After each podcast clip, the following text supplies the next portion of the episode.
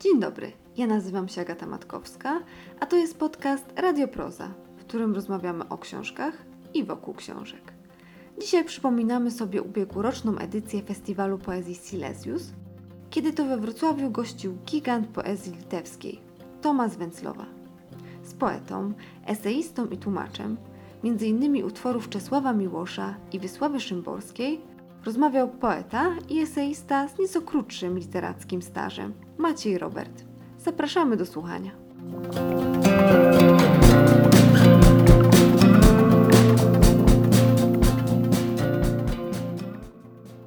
Dzień dobry Państwu, witamy bardzo serdecznie. Ósmy Międzynarodowy Festiwal Poezji Silesius i przed nami kolejne międzynarodowe spotkanie, ponieważ naszym gościem jest Tomasz Węclowa.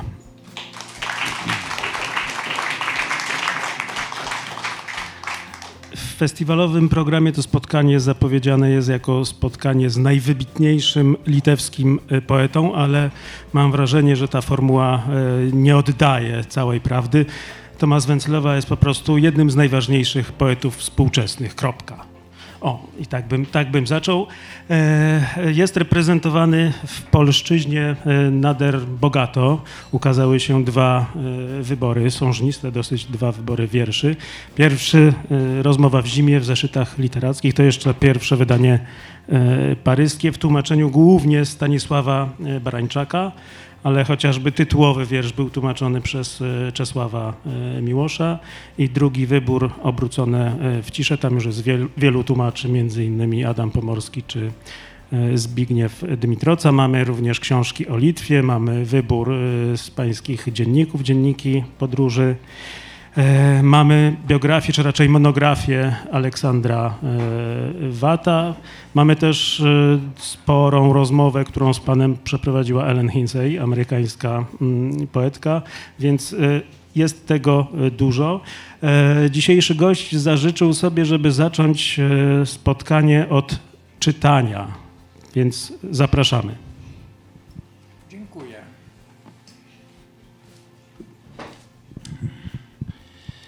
Drodzy Państwo, ja jestem we Wrocławiu nie po raz pierwszy, a może jakiś czwarty czy piąty.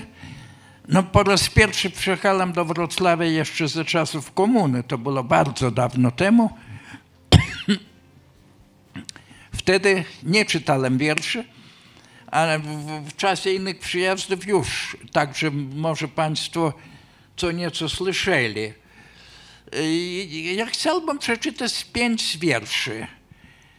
Y, Na początek dwa tłumaczenia na język litewski, znanych polskich wierszy. Bardzo znanych, mm, po prostu, żeby dać Państwu usłyszeć, poczuć ten język. Dzi- Dziwny naprawdę bardzo język, bardzo trudny, złożony.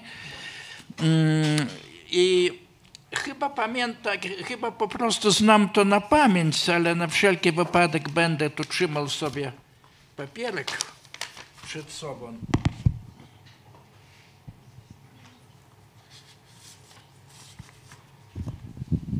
Pierwszy wiersz, który chcę przeczytać, to Milosz, e, bardzo znany, e, który skrzywdził człowieka prostego, z którego trzy linijki są wykute na pomniku gdańskim. No, zresztą Józef Brodski mówił, że trzeba by wykuć nie trzy linijki, a pięć linijek, pięć ostatnich linijek. Prawdopodobnie każdy ten wiersz zna i prawdopodobnie można to będzie rozpoznać także i w przekładzie litewskim. A brzmi to po litewsku tak. Skriausti įpratęs nekudėtą žmogų, žiauriai išjuokęs jo kančią ir kraują, suspėtęs rūmos palaidūnų gaują, kurie vien maišo, kas gera, kas bloga, norint kiekvienas puola tau po kojų, garbina tavo išmintį ir galę, profilį raižo ant aukso medalių ir tyliai džiaugias, kad vis dar alsuoja. Saugus nebūki, atmena poetas. Tu jį nudėsi, bet sutiksi kitą. Veiksmą ir žodį rasi užrašytą. Verčiau jau giedrą viduržėmio rytą, kilpos šešėlis ir šakų skeletas. To Milosza, to wie, a wiersz w innym zupełnie duchu Wisławy Szymborskiej, którą też miałem zaszczyt, zaszczyt poznać, mm, nazywa się Atlantyda. To przetłumaczone bardzo dawno, jeszcze też za czasów komuny. Piękny wierszyk. Gyveno ar negyveno, saloje ar ne saloje, vandenynas ar ne vandenynas, pradėjo juos arba ne. Ar kas ten ką mylėjo, ar kas ten grūmė su kuo, atsitiko viskas ar nieko ten arba ne ten. Septynetą miestų skalavo marios, ar iš tikrųjų visi norėjo būti nemarūs, kas tai rodys. Neišrado parako, ne, išrado paraką taip. Abejotini, hipotetiški, nepalikę ničnieko doro, neišsprūdę iš žemės vandens, iš ugnies ir oro, neįtilpę į akmenį ir į lašą lietaus, nesugeba kaip reikiant įspėti ir sudraust.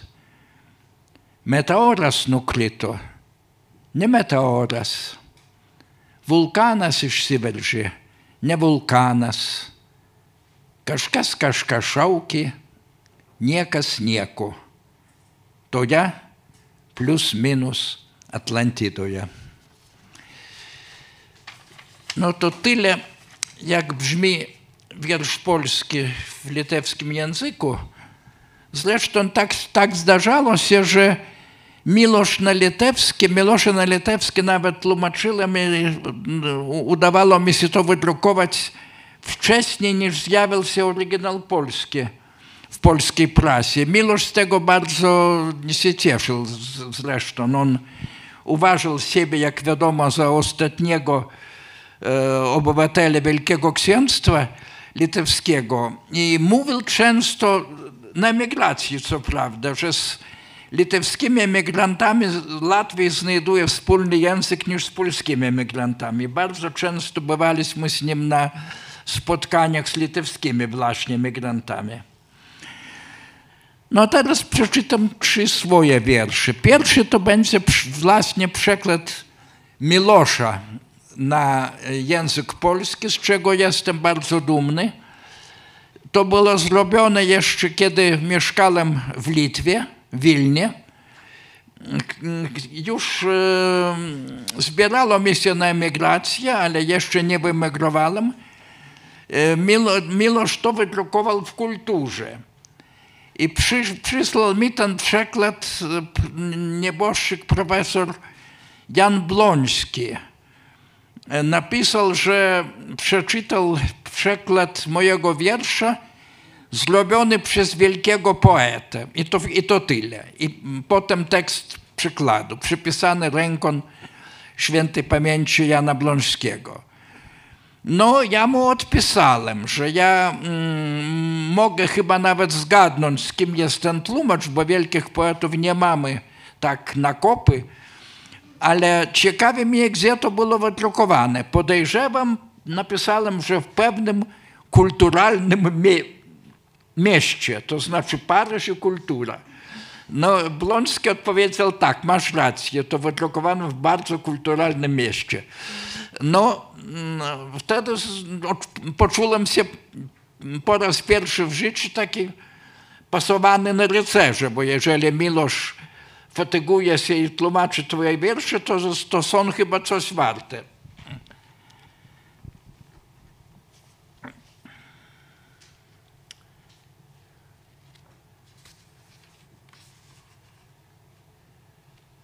Tak. Wiersz nazywa się Rozmowa w zimie. To bardzo dawny wiersz o wypadkach grudniowych, wypadkach w Polsce. No to było w zasadzie nawet powstanie w Gdańsku, w Szczecinie. Ja się wtedy znajdowałem e, w Polądze, e, na drugim brzegu Bałtyku. Próbowałem jakoś przez ten Bałtyk zobaczyć, co się tam dzieje, bo miałem w Polsce wielu przyjaciół i miałem e, powody, żeby myśleć, że oni e, biorą w tym udział. Mm, Rozmowa w zimie, rozmowa dlatego, że mm, to jest rozmowa człowieka z samym, samym sobą. Jest taki po pewnym czasie, tam jest krajobraz, a potem zaczyna się dialog. Ja spróbuję to przekazać e, w czytaniu. I mówi się o kimś trzecim, kto może słyszeć ten dialog. To oczywiście Pan Bóg, tyle że nie, nie wiadomo, czy on to słyszy, czy nie słyszy, nawet nie, nie zupełnie wiadomo, czy on jest, czy nie jest, e, to znaczy, czy nie ma i tak dalej. A to brzmi tak, to długi wiersz niestety. Z 71 roku to już 50 i parę lat. Wstąp w ten krajobraz, jeszcze tutaj ciemno, za pasmem dun huczy pusta droga, morzom wydale wojny kontynenty. Nie widać tego, ale pełno głosów, przechodzień albo anioł, ślad na śniegu, zostawił leki, nawpół przysypany, brzeg się odbija w pocietniałym oknie, może jalowa ziemia Antarktydy. Niezamarznięta otchłań sala w pianach, piaski nie wzięły swojej pierwszej mili, most ukazuje się to znowu znika surowy obszar zimy, nie ma depeszy, nie ma żadnych listów, tych parę zdjęć i zepsute radio, to jakby świeca, opływając woskiem, czas niebezpieczny zapieczętowała. Jak mokry chłód, jak stromy kamień, jaki wszechwładny ten rentgen przedświtu, wytężasz wzrok, majaczejąc ściany, wieża kościoła i człowiecze ciało. Na białym tle pojawia się tylko niepewny kontur drzew i przez ich kora nawet zamknąwszy oczy mógłbyś widzieć cienki, odporny ich ostatni słój. To zły obyczaj, tylko bolą oczy. Jeszcze tak trochę i zgubimy drogę. Ależ nie o nas mówi przepowiednia. Chyli się na bok oszroniała oś, ktoś by pomyślał, że nad horyzontem, gdzie są okręty czarne i dźwięk stygnie, w najdoskonalej nieruchomym niebie Mars i Jupiter nagle stają w ogniu, aż po Atlantyk rozciąga się pustka, szerokie pole jak otwarte sale, luty schowany jest pod warstwą stycznia, od slotnych wiatrów zwija się równina, gdzie za morzami spadające z gór przy brzeżnych wodach toną i szarzeją śniegi odwilży. A co tam jest jeszcze? Znów ujścia rzek, zatoki i porty. W ciężkim niewodzie wynurzone chmury, podobne rybom błyszczą wąskie place. Czy ty pamiętasz, co wróżyły gwiazdy? Ten wiek tłumaczy się bez żadnych znaków, tylko statystyką.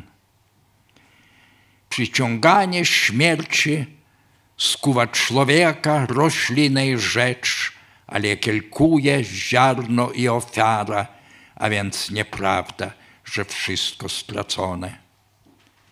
A gdzie jest świadek? Bo ja nie rozumiem, w czym rzeczywistość inna od oszustwa. Ty prócz nas dwój, czy prócz nas dwójga, jest ktoś tam na świecie. Dla mnie to chyba jesteś tylko ty. Gdzież jest ten trzeci? Może chcesz powiedzieć, że nikt tej naszej rozmowy nie słyszy? Jest niebo i są zasnieżone pola, a głos potrafi żyć, choć umrze serce. W samo południe ciemne będą drzewa, kiedy wydnieje, świadomość zachowa, ponastwarzane przed chwilą z niczego, nieważkie rzeczy zamiast tamtych słów. Mały odlamek rozbitego lodu, szkielet gałęzi, nadkruszony mur na zakręcie ulicy. Potem cisza z tej strony morza, z tamtej strony morza. No, taka świętej pamięci Stanisława Baranczaka nazywa się Desantowiec. I to jest historia z okresu partyzantki w Litwie w latach 40., w czasach stalinowskich. Mieliśmy wtedy partyzantki w duchu Armii Krajowej.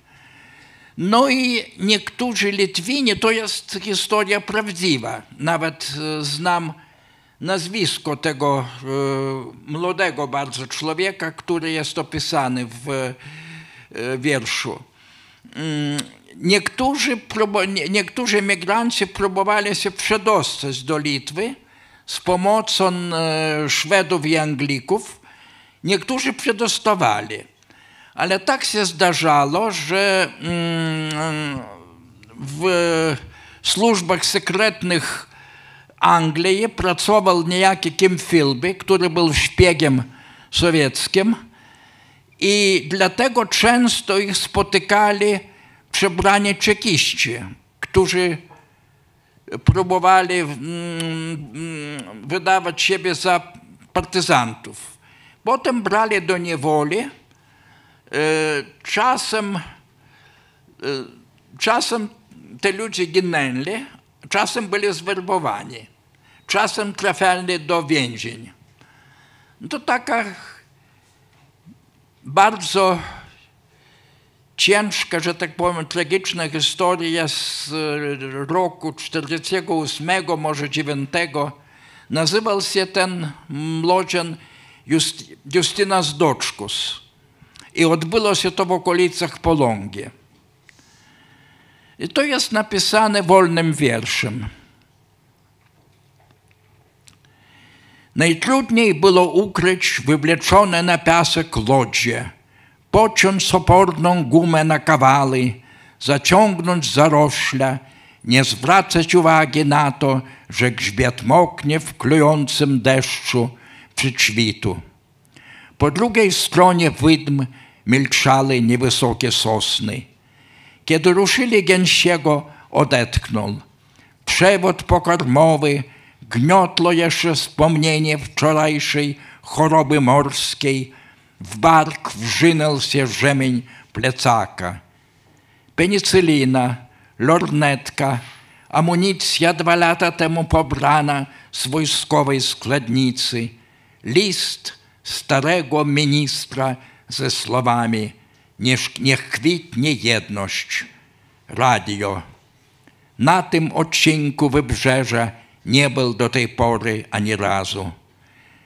Grząc z piasku deptał sosninę, doganiał kurtkę współtowarzysza, poznawał ojczyznę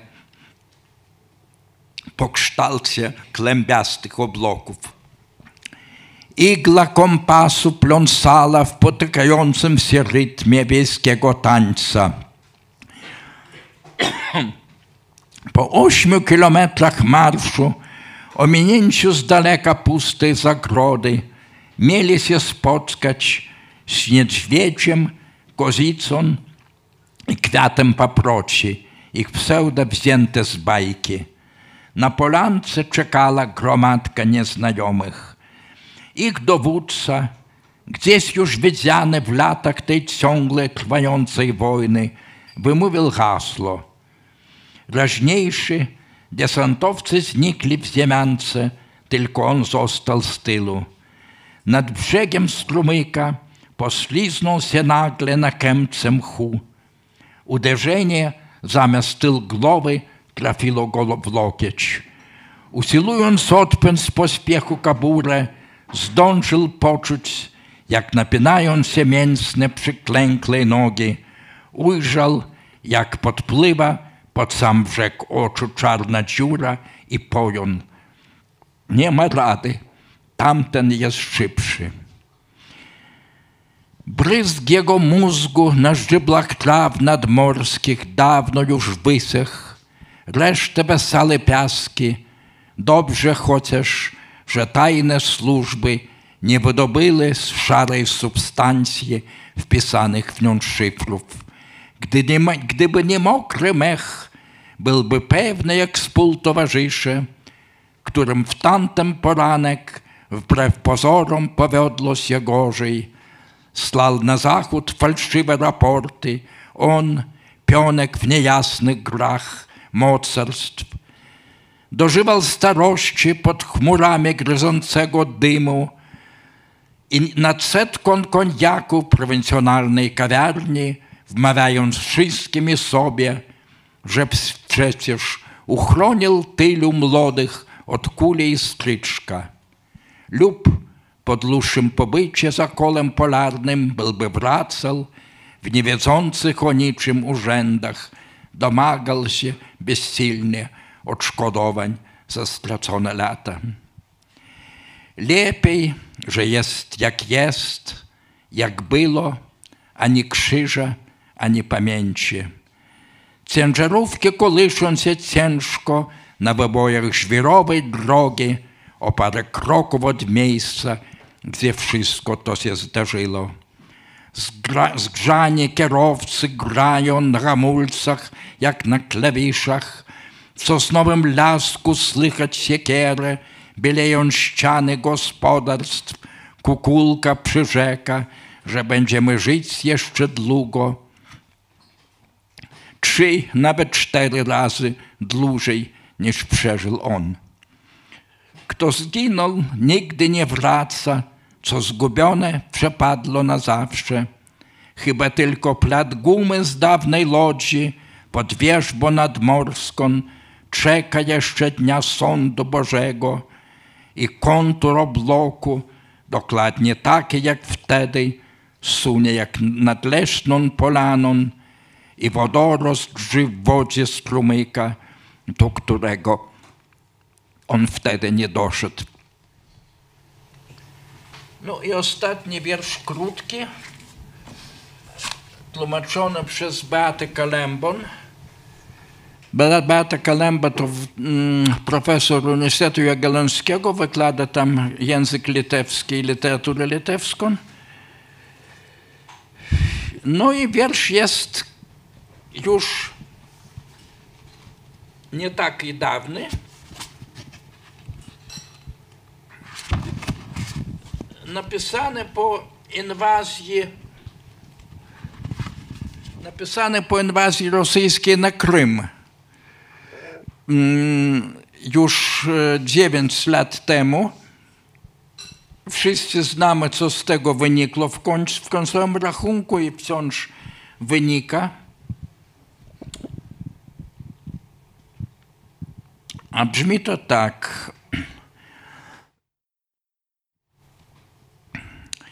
Czas na wytchnienie nie był długi, lecz nam się zdawało, że po tylu, tylu biedach już się nie skończy.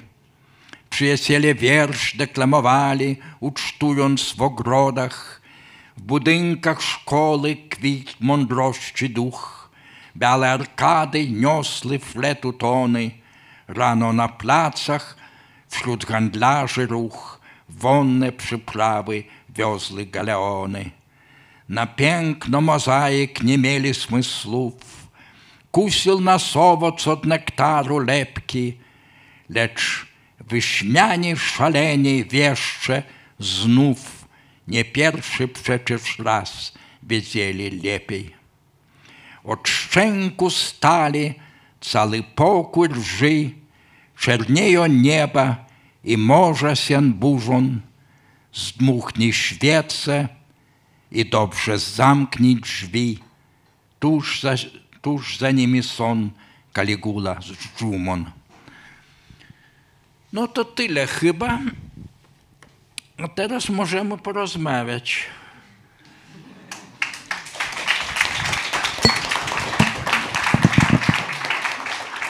E, Dziękujemy bardzo. Zaczął Pan od e, przeczytania własnych e, tłumaczeń na język litewski wierszy dwojga polskich autorów Czesława Miłosza i Wisławy... Okulary spadły. I Wisławy Szymborskiej. A następnie... Oj, oj, oj, oj, mam, mam, mam, mam. E, A następnie przeczytał Pan... E, Swoje wiersze w tłumaczeniach trojga różnych e, tłumaczy, Miłosza Barańczaka i pani Kalemby. I teraz pytanie takie, jak się poruszać wśród tych dwóch języków? Zwłaszcza pytam o, o Barańczaka, który przecież e, litewskiego e, nie znał i w posłowiu do rozmowy w zimie e, przypomina, że te przekłady powstawały z pomocą autora, czyli, czyli pańską. Zastanawiam się, jak ta pomoc wyglądała. Dobra. No, Milosz, tak samo zresztą jak Adam Mickiewicz, trochę znał litewski. To, to nie, nie był język mu obcy. Się mm, był, bywał trochę za- zażenowany, gdy miał mówić po litewsku i prawie nie mówił. Ale przeczytać i zrozumieć prosty tekst mógł. Mógł, e, czytał e- Ewangelię po litewsku, bo Ewangelię znał na pamięć i po prostu brał litewski tekst i w zasadzie wszystko rozumiał, bo pamiętał te miejsca, e, te, te, te, paragrafy pamiętał w języku polskim, albo nawet po, po łacinie powiedzmy. No mm, tak samo zresztą z Adamem Mickiewiczem. Często się pyta, czy Adam Mickiewicz znał litewski. Białoruski rozumiał, bo został urodzony w Nowogródku, a tam okolica mówiła raczej po białorusku, nawet w tych czasach.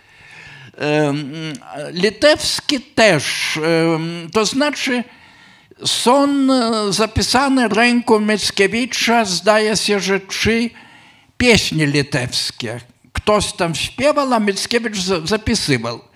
Kiedy człowiek zupełnie nie zna języka, robi masę błędów, głównie granice słów. To znaczy mieszają, musi, musi, musi granice słów. E, Mickiewicz nie zrobił chyba żadnego błędu. Każde słowo jest oddzielne i takiej długości, jak jest, jak- jest po litewsku. I to jest zapisane w języku litewskim. Nie zupełnie ortograficzne, ale zapisane. Z czego wynika, że mm, rozumiał co nieco w każdym razie. No, mm, to znaczy, to, to z Miloszem. Milosz przetłumaczył ten wiersz, kiedy ja jeszcze znajdowałem się w Wilnie. Nie, nie, mm, nie mieliśmy jeszcze możliwości się spotkać. Rozmawialiśmy jeden raz przez telefon. Wymieniliśmy listy, ale nic poza tym. Pomógł mu w rozumieniu wiersza, bo to jednak nie zupełnie to samo, co rozumieć na przykład gazetę. Litewską gazetę on, mniej więcej rozumiał. Mm, Ale w rozumieniu wiersza pomógł mu taki e, mm, profesor Amerykanin tam w Berkeley, nazywał się Sili. Był oż- ożeniony z Litwinką i znał litewski. Był językoznawcą. Może n- nie idealny, ale jednak znał. I pomógł mu w e, zrozumieniu pewnych e, części wiersza. Zresztą jedną, jedną rzecz tam trzeba wyjaśnić. E, Ja tylko potem to wyjaśniłem Miloszowi, że cho- chodzi tam o to, że gdy mm, patrzysz na drzewo, prawie mógłbyś widzieć cienki ostatni jego slój. To, i- o- oto istnieje takie podanie, stare podanie, stare wierzenie żmudzkie, że przed powstaniami bywają bardzo surowe zimy i sloje drzewa wtedy by, bywają cięższe, e, cienkie. E, No, cienki, odpornych ostatni slój. No, mm, to znaczy chodzi właśnie o powstanie takie jak listopadowe, jak styczniowe, jak może powstanie 1905 roku, może nawet jak 18 rok, kiedy Litwa i Polska wybyli się, wybyli się na niepodległość i że to wtedy były też surowe zimy i te, mm, ten ostatni slój był cienki. Tak samo chyba w tym roku, przed wypadkami grudniowymi. E, No, mm, Miłosz był bardzo zbudowany tym wyjaśnieniem i powiedział, że jednak co nieco zrozumiał, bo ten odporny slój to już przekazuje ten sens, mm, że to, mm, jakby to powiedzieć, przepowiednie powstanie. No, to znaczy z Miloszem nad tym wierszem litewskim nie pracowałem. Co się tyczy Baranczaka, tak, pracowałem, bo Baranczak litewskiego nie znał. On tłumaczył z kilku czy nawet kilkunastu języków i tłumaczył z, z, z oryginału, ale nie z litewskiego. Ja mu robiłem taką rybkę na język rosyjski, który e, znaliśmy obaj. On znał dobrze. I rybkę bardzo dokładną, to znaczy tam było dużo różnych wyjaśnień w, nawiasach, potem pisałem, gdzie tam są rymy, jaka to tam jest metryka, bo często to jest mm, klasyczna, tradycyjna metryka, jakieś jamby albo, albo, albo choreje, trochę. Mm, No i Baranczyk robił przekład, Potem ja to czytałem i mówiłem, tu mi nie zupełnie o to chodziło, może poprawisz. On poprawiał. Ale w zasadzie Baranczyk był e, człowiekiem genialnym, może najlepszym tłumaczem moim zdaniem na język polski wszechczasów. Może. No w każdym razie robił to bardzo dobrze i poprawiać tam dużo nie trzeba było. Co się tyczy pani Beaty Kalemby, to ona zna litewski. No, też trzeba co nieco wyjaśnić, co nieco poprawić, ale niezbyt dużo. To tyle chyba. E, Pan zna co najmniej cztery języki, a na pewno w czterech biegle się porozumiewa. To jest oczywiście litewski, rosyjski, polski i angielski. Tak. Powiedział pan kiedyś e, w wywiadzie, że litewski to matka, Tak. rosyjski to żona, Tak, polski to kochanka, tak. a co z tym czwartym? Kim będzie angielski? No właśnie, właśnie ta czwarta kobieta w tym układzie nie bardzo się mieści. E, No, co się tyczy żony, no mam, mam żonę Rosjankę. Mam, mam żonę Rosjankę, mm, która znajduje się na tej sali w danej chwili. Jestem bardzo szczęśliwy, mając taką żonę, no, osta- no ona zna zresztą polskie. I ostatnio uczy się litewskiego. Mam, mam nadzieję, że będziemy z nią e, rozmawiać także po litewsku. Ale w domu raczej po rosyjsku od długiego czasu. Mm, Ona zna także niemieckie, a ja z kolei po niemieckie nie rozmawiam. Zna angielskie. No ale w domu rozmawiać po angielsku, które obaj znamy, to byłoby raczej głupstwem. Mm, Chociaż niektórzy emigranci tak, e, tak żyją. No, mm, tak to angielskiego jakoś nie polubiłem. To znaczy mogę mówić po angielsku, mogę wykładać nawet po angielsku, czytać wykłady, referaty, e, nawet pisać, to trzeba redagować, ale mogę pisać e, eseje w języku angielskim, nie wiersze. Wiersze piszę wyłącznie po litewsku, wyłącznie. Nigdy po polsku, nigdy po rosyjsku. Po rosyjsku, co było bardzo antypatriotyczne, pisałem we wczesnej młodości, kie- kiedy też byłem zakochany w Rosjance i myślałem, że może te wierszyki jakoś się przydają. To, to przy, przydadzą do tej znajomości. No, mm, niezupełnie się przydały, ale jednak pisałem, napisałem kilka wierszy wtedy po rosyjsku. Miałem wtedy jakieś może 19 lat. Mm, ale od tego czasu po rosyjsku nie piszę. Jeden raz przetłumaczyłem wiersz na język rosyjski. To był powrót prokonsula Zbigniewa Herberta. Brodzki to trochę poprawił. No to tak właśnie to, tak to się robi. E, Zapytałem, zapytałem o ten e, język angielski, mając w pamięci pański wiersz Święto Dziękczynienia. To jest jeden z pierwszych pańskich wierszy napisanych już e, po emigracji do, do Stanów Zjednoczonych. I w tym wierszu wymienia pan zgodnie z tytułem to, za co dziękuję Ameryce i nie ma tam języka angielskiego. Tak, nie ma. Nie ma, a nawet, nawet jego tradycja nie jest panu bliska. Wszyscy poeci anglosascy nie ma, nie ma języka angielskiego. No, pasywnie tak, pasywnie angielski znamy i nawet, nawet lubię. Lubię czytać wiersze angielskie, chociaż czasem to też przychodzi mi z trudem. No ale taki Szekspir dla Anglika też przychodzi z, z, z pewnym trudem. No, dużo tłumaczyłem z, z, z angielskiego. Języka tak, to święto dziękczynienia to było napisane w taki sposób. Mm, na początkach emigracji, to już dobre około 50 lat temu, szkoda gadać, mm, pewna studentka moja, Amerykanka, mm, zaprosiła mnie do domu swoich rodziców na święto dziękczynienia.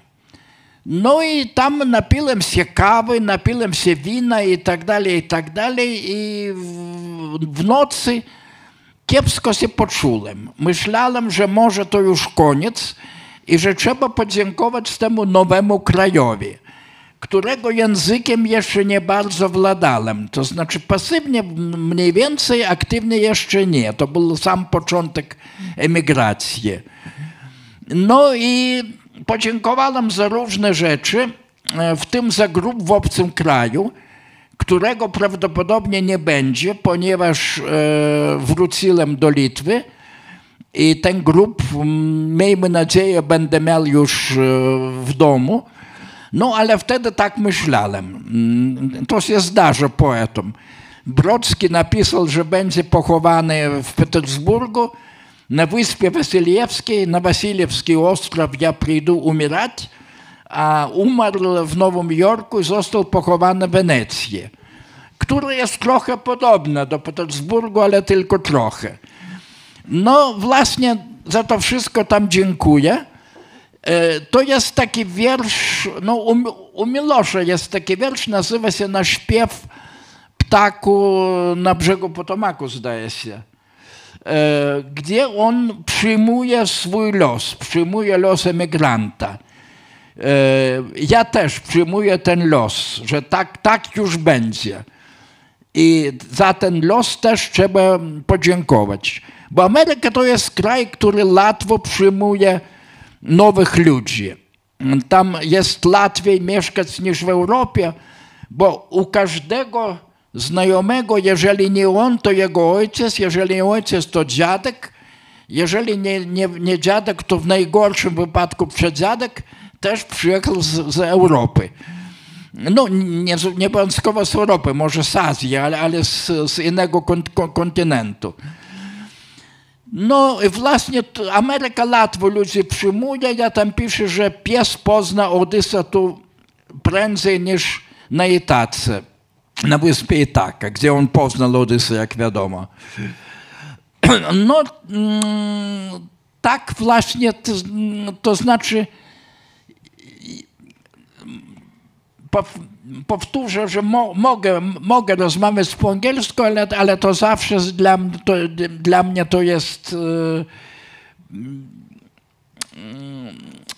wielka taka próba, powiedzmy nawet takie katorga, praca, praca katorżnika, długo mówić po angielsku.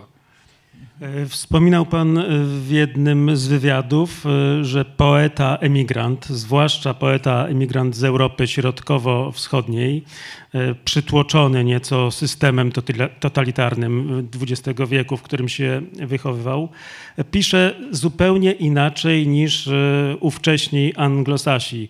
I podał Pan taką błyskotliwą frazę, że poezja anglosaska jest kampusowa, Natomiast poezja europejska wywodzi się z kempu, czyli z obozu. Y, Jak to się zmieniło po 1989 roku? Czy w ogóle się zmieniło? Czy poezja europejska jest już bardziej współczesna? No, mm, nie wiadomo, mm, co jest bardziej mm, współczesne, czy, czy, czy poezja tych, e, to znaczy kacetów, czy poezja kampusów uni- uniwersyteckich. Bo niestety we współczesności istnieją to i drugie. I teraz w Rosji to wróciło niestety. Ja miałem głupią może nadzieję, że Rosja też się zmieni. I przez 15 do 20 lat wyglądało, że tak, że, się, się zmienia. Niestety nie, niestety nie zmieniła się, prawie się nie zmieniła. I to jest okropne, to jest bardzo niebezpieczne. Przede wszystkim dla Rosjan, ale, także dla każdego innego. No, trudno, z tym, z tym nic nie, nie, nie zrobisz.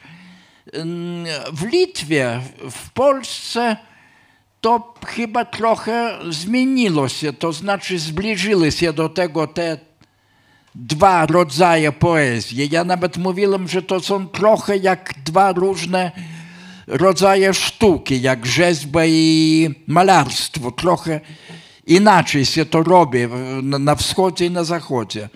Teraz już bardziej jednakowo. Teraz zbliżyło się to do siebie. Mm, Było mi niełatwo tłumaczyć mm, poetów zachodnich, teraz jest łatwiej. Jakoś lepiej to rozumiem, bo moja, mo- moja ojczyzna się zmieniła. No, Wilno teraz prawdopodobnie ktoś na tej sali bywał w Wilnie. Wilno niezbyt różni się od e, każdej innej europejskiej stolicy. Jest może ładniejszy od, od wielu stolic, z, za przeproszeniem, z Warszawą włącznie. E, Jest e, miastem magicznym, czego w wielu stolicach europejskich nie powiesz. Nawet o Paryżu mnie trudno powiedzieć, że to miasto magiczne. To miasto wspaniale, ale nieobowiązkowo magiczne. A Wilno jest magiczne. Jak mówił Miłosz i jak ja też e, za nim powtarzam. No, ale mm, styl życia jest taki sam jak e, w Europie Zachodniej i standard, st- standardy życia też już takie. Wilno nie bardzo się różni od e, tej, tej samej Warszawy, albo nawet Sztokholmu, albo nawet powiedzmy, mm, powiedzmy Madrytu, Lizbony. Nie ma większej różnicy w e, stylu życia. I to oczywiście odbija się na poezji. Pytanie, czy w sposób dobry. Tego nie wiem. E, Dosyć często w naszej rozmowie przywołuje pan Miłosza i Brodowskiego, którzy, y, jak rozumiem, nie tylko e, byli pańskimi jednymi z mistrzów poetyckich, ale również e, stali się pańskimi przyjaciółmi, prawda? E, Czy taka relacja ułatwia potem czytanie ich wierszy, czy utrudnia? No, na początek samo istnienie tych poetów bardzo utrudniało mi życie. Bo albo trzeba pisać y, nie gorzej, albo nie warto. Nie warto pisać w ogóle. No i byłem trochę sparaliżowany, myśląc, że oto obok pisze Brodski, oto obok pisze Miłosz i oni niewątpliwie piszą lepiej. Potem to mi trochę przeszło. To mi trochę przeszło, może zostałem po prostu taki bardziej nachalny, albo może trochę nauczyłem się czegoś, albo częściowo to i dlatego, że niestety już nie ma obu wśród nas. Ni- Niestety, to jest wielka strata. E, Kiedy Mm, był e, znany poeta irlandzki noblista Szajmus Gini, kiedy go zapytano, kiedy go zapytano, co najbardziej wpływa na rozwój poezji, on powiedział niestety śmierć wielkich poetów. No, mm, tak się zdarza. Co się tyczy mm, przyjaźni, no trudno powiedzieć, że byłem przyjacielem Milosza, bo to różnica pokoleń, nie mówiąc już o różnicy poziomu, w końcu róż, różnicy biografii. Mm, On był mój nauczyciel, był mój, jeżeli przyjaciel, to starszy i znacznie, znacznie ważniejszy w tej e, dwójce. Brocki też ważniejszy, bo pisał lepiej i pisał znacznie więcej. No ale Brocki to już to samo pokolenie, nawet młodszy ode mnie o trzy lata.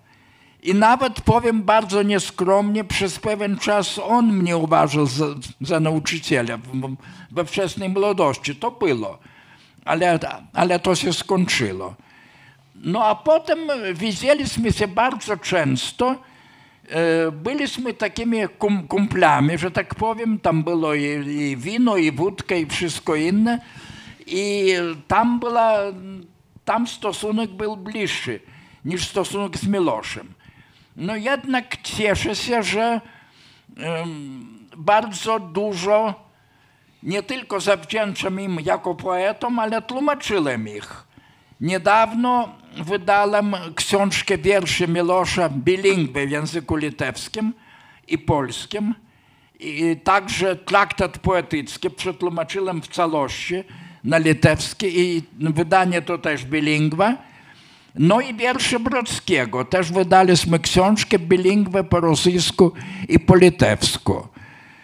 I to był proces dwustronny, co znów robi mi wielki zaszczyt, że nie tylko ja ich tłumaczyłem, ale oni te, też trochę się po- pofatykowali i tłumaczyli mm, pewne moje wiersze.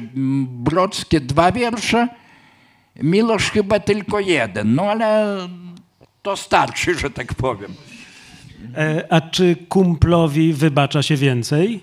E, Pytam w kontekście wiersza Brodskiego e, napisanego po uzyskaniu niepodległości przez Ukrainę.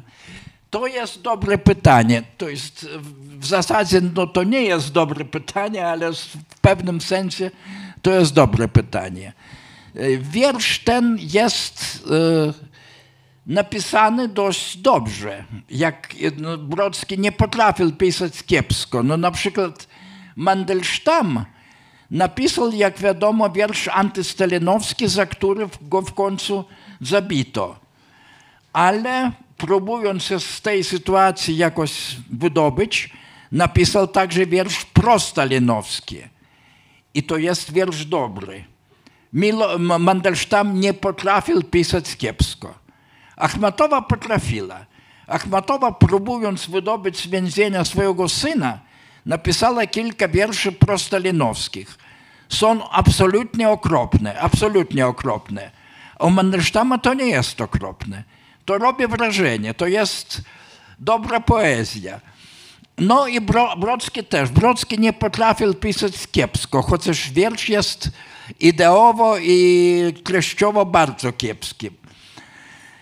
E, On to mnie przeczytał kiedyś mm, w czasie jednego z takich naszych kumplowskich pobytów. Ja powiedziałem Józefie, nie drukuj tego wiersza, no napisałeś, napisałeś, trudno, ale nie drukuj tego wiersza i nie czytaj go nigdy publicznie. Jeżeli masz czytać to publicznie, jeżeli cię strasznie kusi, żeby przeczytać to publicznie, co strasznie kusi, to przeczytaj to w Kijowie. W Kijowie cię zlinczują, zabiją, ale to będzie fair, to będzie, to będzie, mm, e, mm, to znaczy słuszne. Mm, To znaczy będziesz twarzą w twarz z ludźmi, o których piszesz. Nie rób tego za plecami Ukraińców. On posłuchał mnie, on tego wiersza nigdy nie wydrukował, ale jednak niestety jeden czy nawet dwa razy to przeczytał publicznie. Pozostał tekst zapisany na taśmę i to, to było wydrukowane. I to, to jest po śmierci mm, Brodskiego, to było wydrukowane i nawet e, wykorzystane przez propagandę rosyjską. No, Adam Michnik niedawno powiedział w rozmowie prywatnej, że ja nie wiem, kto wygra wojnę rosyjsko-ukraińską, ale wiem, kto przegrał. Przegrał Józef Brodski, ponieważ e, zgubił swoją reputację na dziesiątki, a może i setki lat. I niestety tak jest. No, wybaczyć wielkiemu poecie można zawsze coś wybaczyć. Ale wybaczyć nie znaczy zapomnieć. To znaczy, jak ten, mówi ten, ten sam Michnik, którego uważam za przyjaciela, e, jest amnestia, ale nie, nie musi być amnezji. Nie ma być amnezji. To znaczy, nigdy temu, tego Ukraińcy Brodzkiemu nie zapomną, ale może za jakieś 100 lat albo wybaczą, albo nawet nie będą na to patrzeć jako na coś prawdziwie poważnego. No trudno. E, Potknięcie, wielkie potknięcia zdarzają się e, nawet bardzo dobrym ludziom i bardzo wielkim poetom. E, Napisał pan swego czasu wiersz pod tytułem Styk.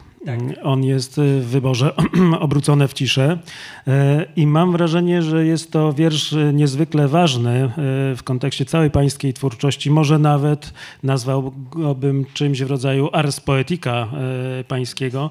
E, Bardzo jestem ciekaw, czym dla pana jest ów e, tytułowy styk. Czy chodzi o styk e, języków, granic, państw, kultur, czy może styk słów, gdzie rodzi się znaczenie? No może, może to wszystko.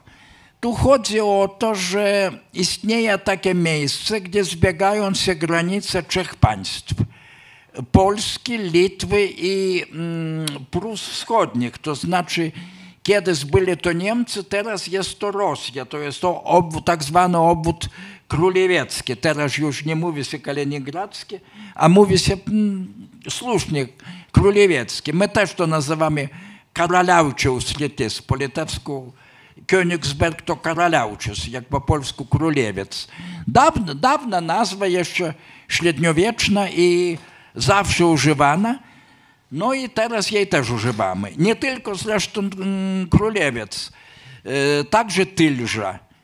E, Zwykle nie mówimy s- sowieck, e, a mówimy tylże dawna bałtycka nazwa tego miasta. Nie mówimy Czerniachowska, mówimy Isrutys, po polsku Wyskróć. E, też dawna bałtycka nazwa. No to znaczy styk trzech, e, trzech państw i ten styk tam e, znajduje się od średniowiecza. To była granica Wielkiego Księstwa i Królestwa Polskiego, a także także jak to się nazywało, zakonu Krz- krzyżyckiego. No i, i to jest dla mnie styk nie tylko trzech państw. Ja tam piszę o każdym z nich oso- osobno.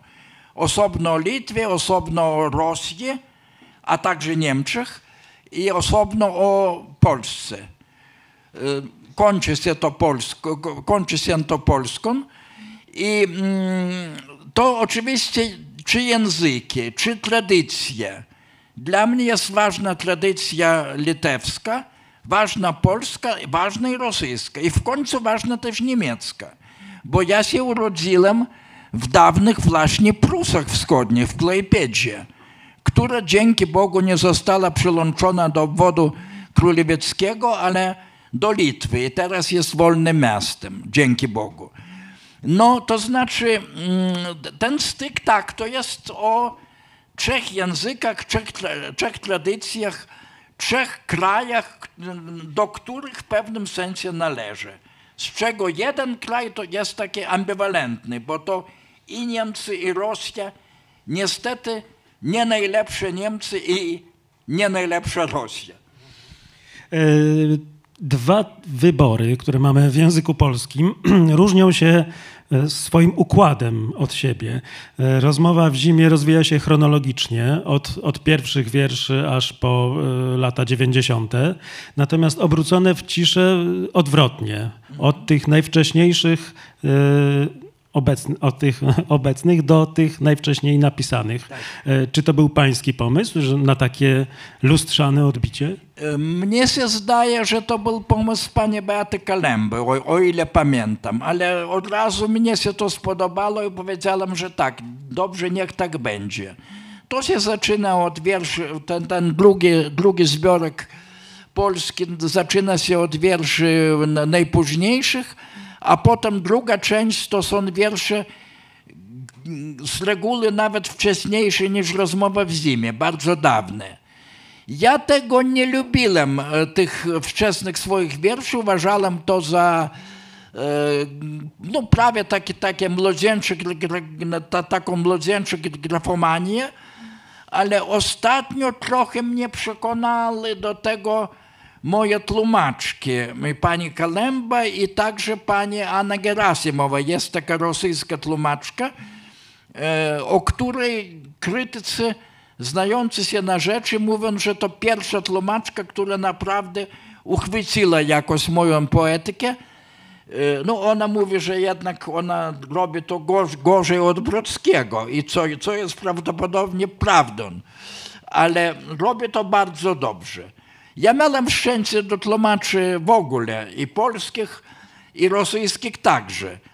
Mm, To, to znaczy, ale mm, ostatnio i Anna Gerasima i Beata Kalemba tłumaczyły moje bardzo wczesne wiersze. Jakoś przekonały mnie do tego, że mają jednak też pewną wartość. No, niektórzy ludzie, zwłaszcza e, w Litwie, znają tylko jeden mój wiersz, który się nazywa się Hidalgo, to znaczy o, mm, Don Quixocie. W 1956 roku napisany, miałem wtedy dzie- mm, 19 lat, bo jest bardzo młodzieńczy wiersz, no istnieje polski przekład Baranciaka, i, e, ale absolutnie zrozumiały, ab, absolutnie taki prosty w, w każdym sensie tego słowa. Wszystko tam podane i powiedziane wprost. To nie było swojego czasu drukowane, ale jednak e, chodziło w tak zwanym samizdacie, to znaczy w tym obiegu drugim, który istniał też i w Litwie. No, niektórzy tylko ten wiersz pamiętają. Z czego nie jestem szczęśliwy, bo wiersz jest e, zresztą tak sobie, albo nawet kiepski, no ale trudno. Mm, No, mm, ale to, to żeby jakoś zrehabilitować te wiersze wczesne i nawet bardzo wczesne, no może, może i trzeba trochę to zrehabilitować. E, To wróćmy jeszcze do, do przeszłości, do tamtych czasów. Pamięta pan, jakie emocje wtedy e, ten dziewiętnastolatek miał, kiedy zasiadał do pisania? Jakie miał w ogóle oczekiwania wobec poezji? Jak sobie wyobrażał e, swoją przyszłość? jak ja sobie wyobrażałem poezję. No wtedy ja mm, tylko zaczynałem czytać e, tak, zwa, tak zwanych wysokich modernistów, to znaczy e, wśród Rosjan powiedzmy Pasternaka, Cwietajewa, Nachmatowa, Mandelsztama tylko zaczynałem. Prawie jeszcze nie znałem.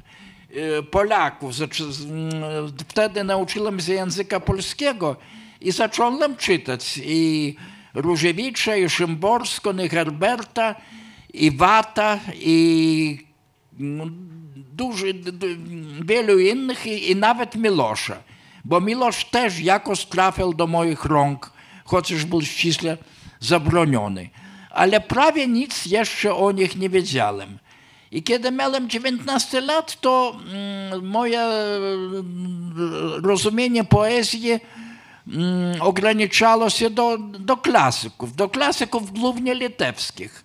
No, był taki litewski poeta, Maironis, który był dla nas tym, czym Mickiewicz dla Polaków. To jest poeta wieszcz, patriotyczny, zresztą dobry, zupełnie dobry poeta. Pisał pod wpływem Mickiewicza, pod wpływem- Schillera i także pod wpływem Puszkina, powiedzmy. Mm, e, To jest koniec wieku XIX. Mniej więcej czasy Asnyka, ale to nie jest Asnyk, to jest coś lepszego. Znałem e, tego Mejronisa, znałem oczywiście poetów litewskich okresu międzywojennego, się niezłe, nie- to nieźle poeci. Znałem e, mm, poetów rosyjskich klasycznych z Puszkinem na czele, ale trochę też Bloka już na przykład. No, tyle, że ten wiersz,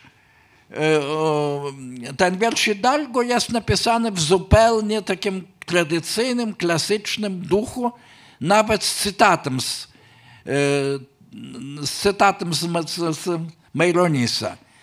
E, No to długo by wyjaśniać o, o tym cytacie, ale jednak, e, jednak to jest wiersz człowieka, który tylko, tylko zaczyna się uczyć się swojego, swojego rzemiosła. E, Ale, ale już, e, jak pan wspomniał, odnosi się do poezji innych, chociażby poprzez e, cytat. Mm, Mam wrażenie, że większość, spora część na pewno pańskich wierszy jest dedykowana innym poetom. Pojawiają się właśnie takie gry literackie. Czy to oznacza, że według pana poezja jest przede wszystkim rozmową z drugim poetą?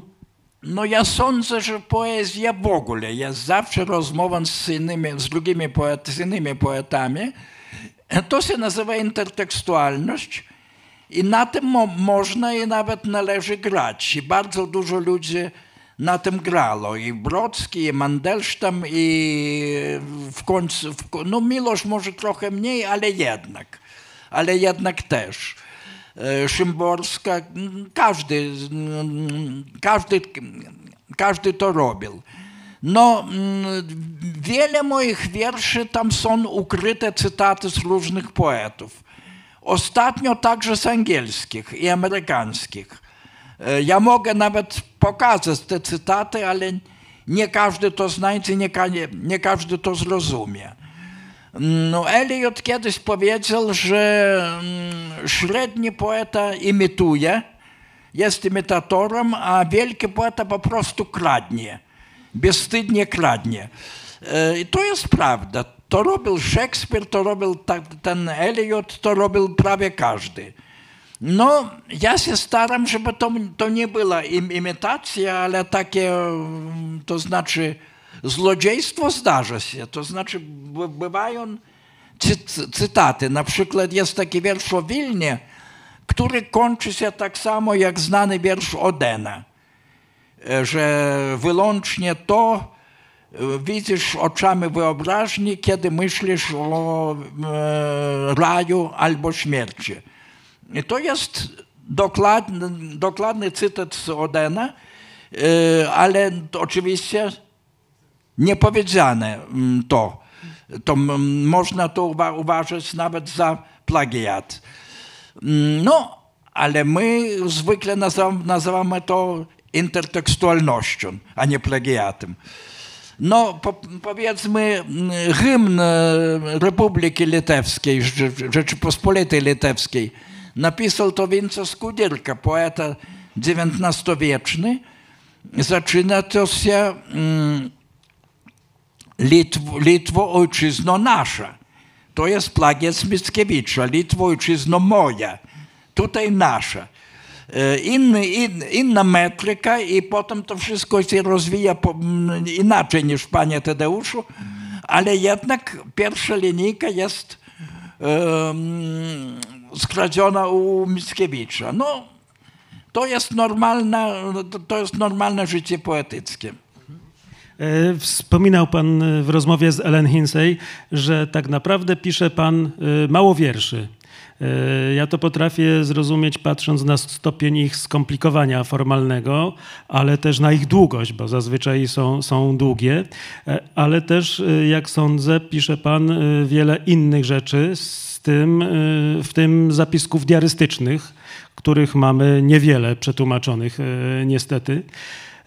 I zastanawiam się, jak, którędy idzie Pana myśl. Czy zapisuje Pan y, w dziennikach jakieś y, wydarzenie, a potem rozwija je w wierszu? Czy to są y, dwa kompletne inne rodzaje pisania? Nie, to są jednak rzeczy kompletne, e, rzeczy różne, kompletnie różne. E, No, dziennik pisze, na przykład, e, chyba wspomniał teraz pan moje mm, notacje Z dzienników podróży.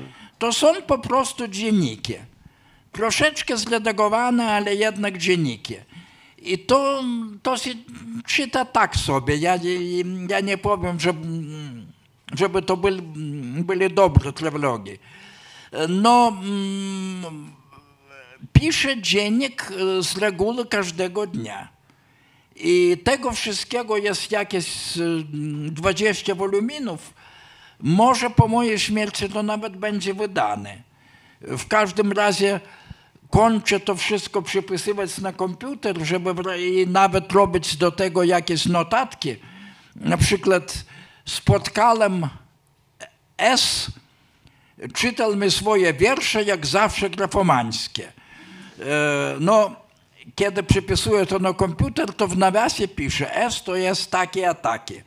No po 50 latach, e, to jeżeli to będzie wydrukowane, ja zrobię takie zastrzeżenie, że po 50 latach to ten S już tego nie przeczyta i no i dzięki Bogu, że- że nie przeczyta.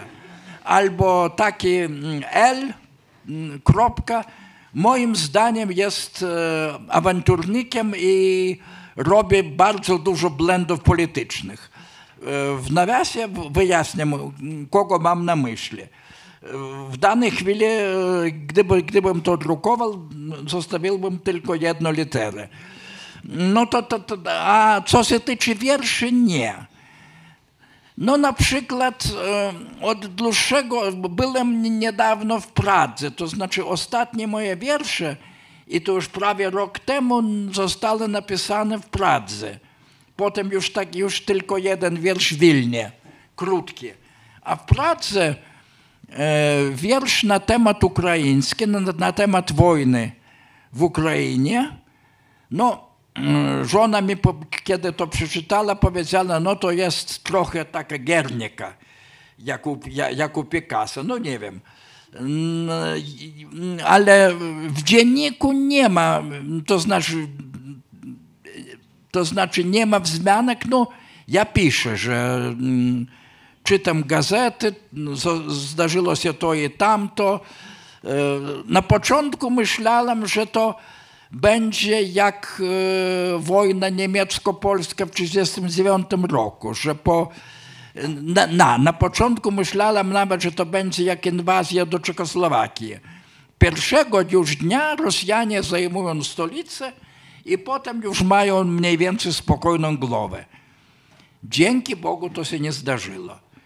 Potem myślę, no to będzie jak wojna Hitlera z Polską. 17 dni i dojdą do stolicy. To się nie zdarzyło. Potem pomyślałem, to będzie jak wojna z- Stalina z e, Finlandią. Kiedy Stalin oderwał mm, takie Polacie mm, terytorialne od Finów, ale jednak Finlandia pozostała krajem niepodległym i wolnym. No, daj, daj Boże, żeby tak było z Ukrainą, pomyślałem sobie. Ale potem widzę, że to nawet nie jest wojna rosyjsko-fińska, to jest wojna mniej więcej rosyjsko-japońska, kiedy Japończycy pobili Rosjan na głowę. No, zobaczymy, co z tego wyniknie, ale jest taka nadzieja, że, że tak będzie. W wierszu nic z tego nie ma. W wierszu nic z tego nie ma. W wierszu próbuję sobie wyobrazić, jak to tam na tym froncie wygląda, jak to wygląda w Mariupolu. To jeden wiersz. No, w dzienniku tego nie ma zupełnie.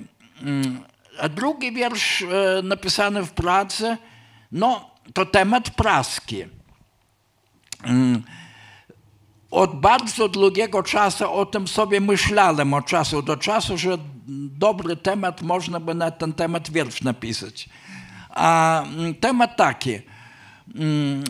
Cwietajewa, wielka poetka rosyjska, była emigrantką i mieszkała przez pewien czas w Pradze. Franz Kafka w tym samym czasie też przebywał w Pradze. Oni nie wiedzieli jedno o drugim. Oni nigdy nie spotkali się. Ona przeczytała e, opowieści Kawki, ale po jego śmierci. On nawet chyba nie słyszał nigdy o niej. A to byli wielcy pisarze, obaj, w czymś nawet podobni i chodzili do tych samych kawiarni. I temat wiersza jest taki, że Cwetajewa przychodzi do kawiarni z córką, pije kawę, wchodzi kawka, siada za, e, za inny stolik, e, zamawia wino, wypije to wino, patrzy, siedzi jakaś kobieta, nawet ciekawa kobieta, ale oczywiście nie podchodzi, wstaje, wychodzi. Nig, nigdy nie spotkali się. Może nawet spotykali, spotykali się na ulicy i mijali się. Mijali się. Ale taka możliwość była. No i pisze, że mm, wyobrażam sobie takie spotkanie, kiedy oni jednak e, zawierają jakoś z, krótką znajomość, e, wymieniają e, jakieś słowa. E, byłoby to dobrze, chociaż nic by nie zmieniło. To ost, ostatnie, ostatnia linijka wiersza, jakby to mogło to zmienić. Bo i Kawka wkrótce umarł, i Cwetajewa umarła w sposób okropny w Rosji. No, to, to drugi taki wiersz. W dzienniku o tym, w dzienniku chyba jest, że tak mm, siedzę w praskiej kawiarni i myślę, a, mo, a może tu mogli się spotkać Kawka i Cwetajewa. Ale to nie jest rozwinięcie notatki w dzienniku, to jest coś zupełnie innego.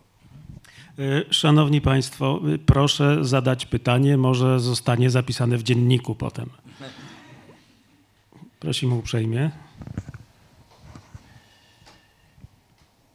Nikt nie ma odwagi. Ja przepraszam, bo, ja przepraszam, bo kiedy jestem zmęczona, już trochę jestem, to, mój, to znaczy mój język polski trochę się psuje. No, nie, no trochę się psuje. Angielski psuje znacznie więcej. No ale trudno. Ale naprawdę, jeżeli są jakieś e, pytania, to spróbuję na to odpowiedzieć. Jest pytanie. Tak, proszę pana. Dobry wieczór. E, Nazywam się Laurinas i zadam pytanie trochę o inspirację. E, Dużo było o też o rosyjskich poetach, z drugiej strony anglosaskich, o których po prostu, do których pan ma taki dość daleki stosunek, może zimniejszy. Czy są jakieś jacyś ukraińscy pisarze e, czy poeci, którzy pana inspirują i w tej pana drodze twórczej jakoś zainspirowały, miały jakiś wpływ, do których pan jakoś lubi wracać, czy nawiązuje swojej twórczości? No, proszę pana, mm, ja niezbyt dobrze znam niestety literaturę ukraińską. No, przede wszystkim moja babcia ze strony matki była Ukrainką. Ona urodziła się, na, urodziła się w Ukrainie. Jest takie miasteczko Siepietowka, albo Siepietywka chyba, trzeba mówić. E, Po rosyjsku Siepietowka, po ukraińsku Sie- Siepietywka. Ona tam się urodziła. Ona pochodziła z takiej ubogiej szlachty. Jej ojciec był ubogim szlachcicem polskim, a matka była ubogą szlachcianką ukraińską. No i ona znała ukraińskie od dzieciństwa, ona czytała Szewczenkę, no zresztą czytała też Sienkiewicza. Jej, jej, jej ulubionym autorem był Sienkiewicz, którego kończyła i trylogię i zaczynała znów od pierwszej strony i tak co najmniej kilkanaście razy w ciągu życia. No i znała to prawie na pamięć. No, mm, ona, ona mi czytała trochę Szewczenki na przykład. Mój ojciec tłumaczył Szewczenkę. Ja mogę czytać po ukraińsku, no mniej więcej tak jak Mickiewicz albo Milosz po, po litewsku, no może trochę lepiej. Bo jednak wszystko chyba rozumiem, e, tekst napisany ukraiński rozumiem bez większego trudu. Rozmawiać nie potrafię. Czytałem oczywiście Szewczenkę, czytałem Lesię Ukrainkę, czytałem e, Franco, czytałem niektórych e, poetów już e, czasów tej krótkiej ukraińskiej niepodległości. Ta, ta, tak zwane rozstrzelane odrodzenie. E, Czytałem niektórych teraźniejszych poetów, na przykład Wasyla Stusa. Nie mogę powiedzieć, żeby to zrobiło na mnie wpływ. Nie, to chyba, chyba niezbyt duży. Może jeden raz jest Iwan Franko. Iwan Franko napisał taki wiersz o Mojżeszu. Ja także mam wiersz o Mojżeszu. Mm, Jak Mojżesz stoi na górze, mm, na której zresztą umarł, widzi całą ten em, ziemię obiecaną pod nogami i nie może do niej, do niej wejść. Powiedziano mu, że, on do tej ziemi nie wejdzie, ale mm, przywiedzie do niej swój naród. E, No i mm, tam jest nawet taka ciekawa rzecz, że on widzi, że tam mm, Mojżesz na, na widnokręgu jakieś miejsce, gdzie prawdopodobnie powstanie miasto. Jakiś taki dzi- dziwny pagórek, na którym coś bardzo ważnego się zdarzy, bo on jest prorokiem, on widzi przyszłość. Coś bardzo ważnego się zdarzy, ale nie zupełnie widzę co. No właśnie, to jest taki mój wiersz o Mojżeszu. U Franco też jest o Mojżeszu. I kiedy przeczytałem to po raz e, drugi, mm, zobaczyłem, że jest jakaś e, e, taki wspólny dźwięk w tych wierszach. Trochę może jest.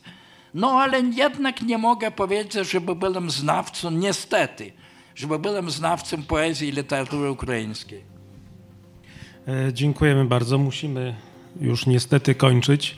E, Panie Tomasie, bardzo dziękujemy za rozmowę.